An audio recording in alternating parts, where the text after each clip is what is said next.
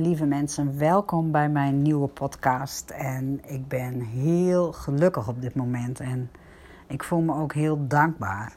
En hoe kan dat wel? Ik heb mijn kleindochter te logeren. En mijn kleindochter en haar mama zijn, nou, twee handen op één buik.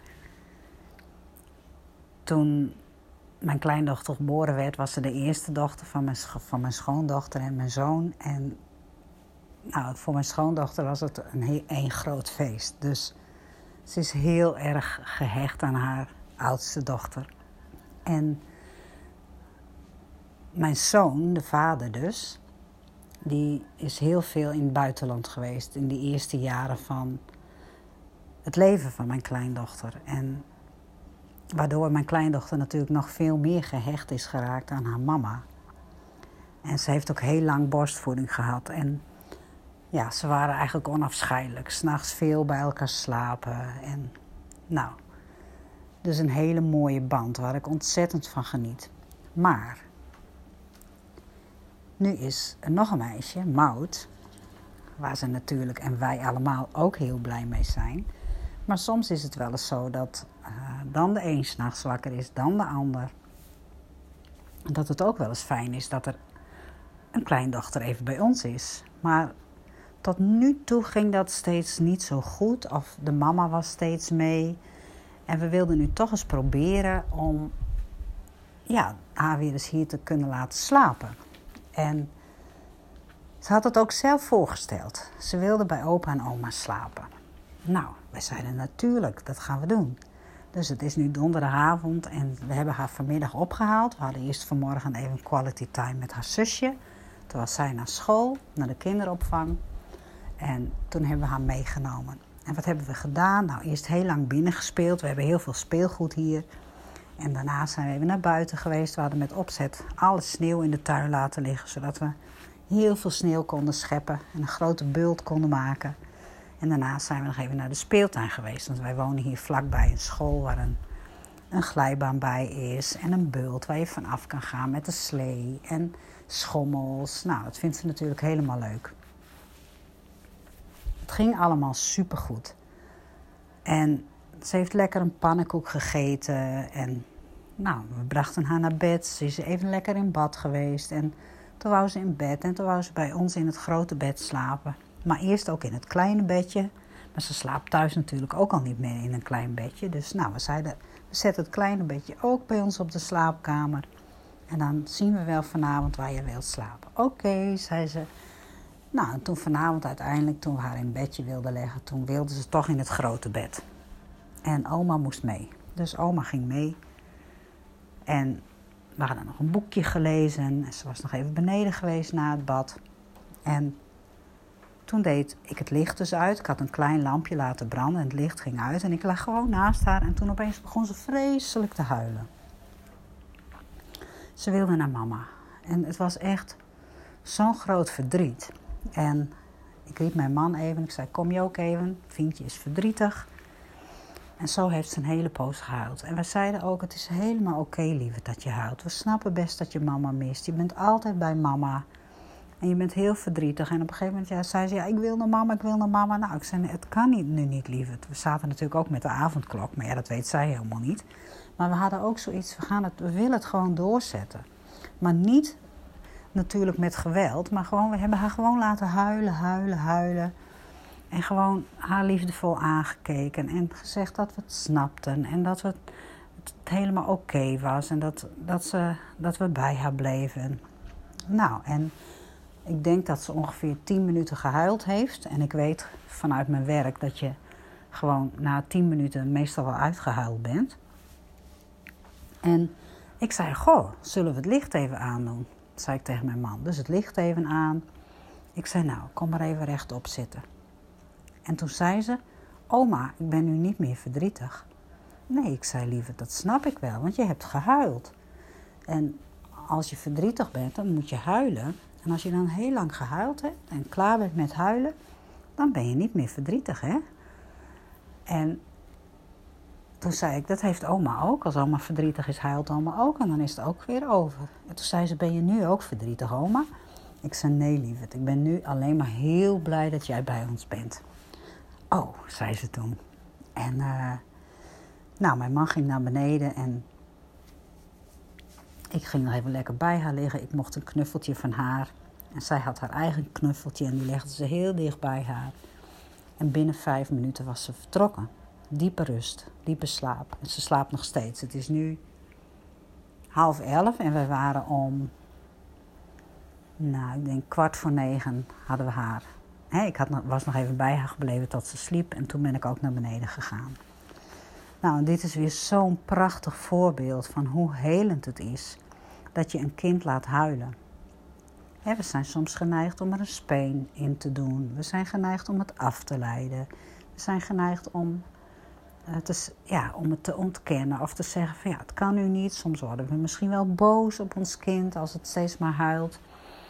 Maar lieve mensen, huilen is zo helend. En blijf bij het kind als het huilt. En kijk het aan, pak het liefdevol bij je en zeg het is oké dat je huilt. En dat wij het vaak zo moeilijk vinden om het verdriet te zien van iemand anders of van een kind, is omdat wij zelf ook niet geleerd hebben om te huilen. En dan raakt het aan ons eigen ongemak, zeg maar. En daarom willen we dat het zo snel mogelijk over is. Dus we proberen te fixen wat er bij die ander is. Maar die ander wil helemaal geen oplossing. Die wil niet uh, dat we hem afleiden. Die wil gewoon zijn verdriet of haar verdriet voelen. En nou, dit is van vanavond is weer zo'n mooi voorbeeld daarvan. Dat, je dus, dat het dus werkt. Ik geloof in mijn werk en het werkt.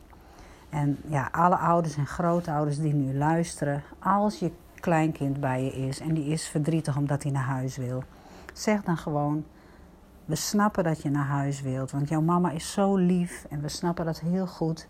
Maar ja, dat mama is er nu niet. Kom maar lekker bij opa en oma en huil maar even lekker. Dat is helemaal goed. Dus dan leer je een kind ook om te rouwen.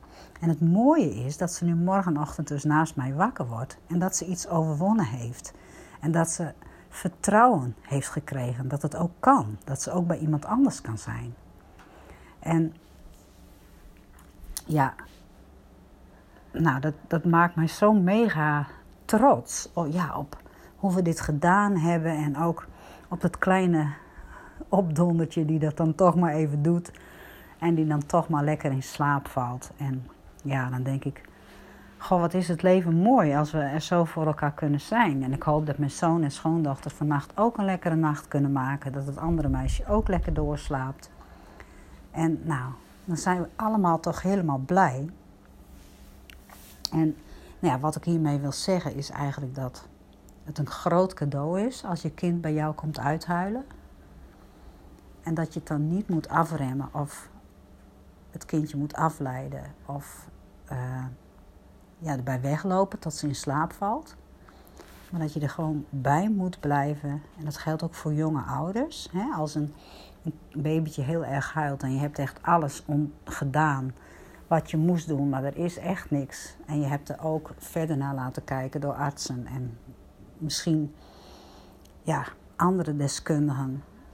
Weet dan dat het gewoon behoefte is om te rouwen. En ik heb het gisteren in mijn podcast ook gezegd. Na een bevalling kan er ook heel veel verdriet loskomen. En wat dan mooi is, dat normaal als je de moeder uh, het aan de borst heeft of als, als je een flesje geeft op een bepaalde manier, pak haar dan of hem dan net even aan de andere kant vast. Dus leg het hoofdje even net aan de andere kant. En als de moeder borstvoeding geeft, laat de vader het oppakken. En laat, ga gewoon zitten met het kindje. En laat het gewoon voelen wat er te voelen is. En dit herinnert mij ook aan toen deze kleine kleindochter van mij drie maanden was, of vier maanden. Toen ging mijn man met mijn schoondochter naar een musical in Scheveningen. En mijn schoondochter die was er echt aan toe maar even uit. Want ze moest natuurlijk, mijn zoon was veel weg en ze moest alleen voor het kindje zorgen. En toen heeft dit kleine meisje ook zo, zo ontzettend gehuild. En toen wist ik me eigenlijk niet zo goed raad, maar ik dacht, ja, het is oké dat ze huilt. Ik moet haar laten huilen. En dat heb ik gedaan. En ik heb denk ik wel een uur met haar op de arm gezeten. En steeds maar gezegd, het is oké dat je huilt. Ze wou niks, ze wou niet drinken. Ze was gewoon zo ja, bij haar moeder, zo, zo verscheurd was ze toen. En het was echt heel, best wel moeilijk om te zien. Maar, en misschien denk ik achteraf hadden we dat ook ja, niet moeten doen of anders moeten doen. Maar hoe dan ook, het is gebeurd. En ik heb wel een heel bijzondere band met dit meisje. En ik denk dat die keer daar ook aan heeft bijgedragen. En nu vanavond ook weer. En ja, dat ze ook leert dat ze als ze gehuild heeft, dat het verdriet dan ja, wegzakt. Ik ben nu niet meer verdrietig, oma. Nou, daar krijg je toch de tranen van in je ogen als je dat hoort. En ja, nou ja, dit wilde ik gewoon even delen. En ik hoop dat jullie er ook iets van meenemen. Alsjeblieft, laat kinderen zich uiten. Uitspreken, maar ook uithuilen. Want daarmee bewijs je hen een grote dienst. Want het gaat niet om het trauma wat ze meemaken. Net zoals het meisje nu gescheiden is van haar moeder. Dat is niet de essentie, maar het feit dat een kind niet mag rouwen. En dit kind mocht wel rouwen. Dus er worden ook oude stukjes geheeld in haar. Ook van, ze heeft ook een, een keizersnee gehad. Het is niet allemaal lekker gegaan bij de geboorte, tijdens de zwangerschap niet. Dus er zijn nog stukjes te helen. En ik hoop, ze heeft zo hartverscheurend gehuild vanavond. En dat ze er ook op vertrouwt dat er mensen zijn die nabij zijn als zij pijn heeft. En ik hoop dat we nog heel lang heel veel voor, veel voor dit meisje kunnen betekenen. Nou, het is nu inmiddels 20 voor 11 ongeveer. En ik laat het hierbij, want dit is ook echt de kern van wat ik wil zeggen. En dan hoef je ook niet langer te praten dan nodig. Dus ik hoop dat jullie deze podcast voor altijd in je hart bewaart. En altijd als een kindje huilt, pak het op, kijk het aan en geef toestemming om te huilen. Want dan heb je een band voor het leven. Tot de volgende podcast.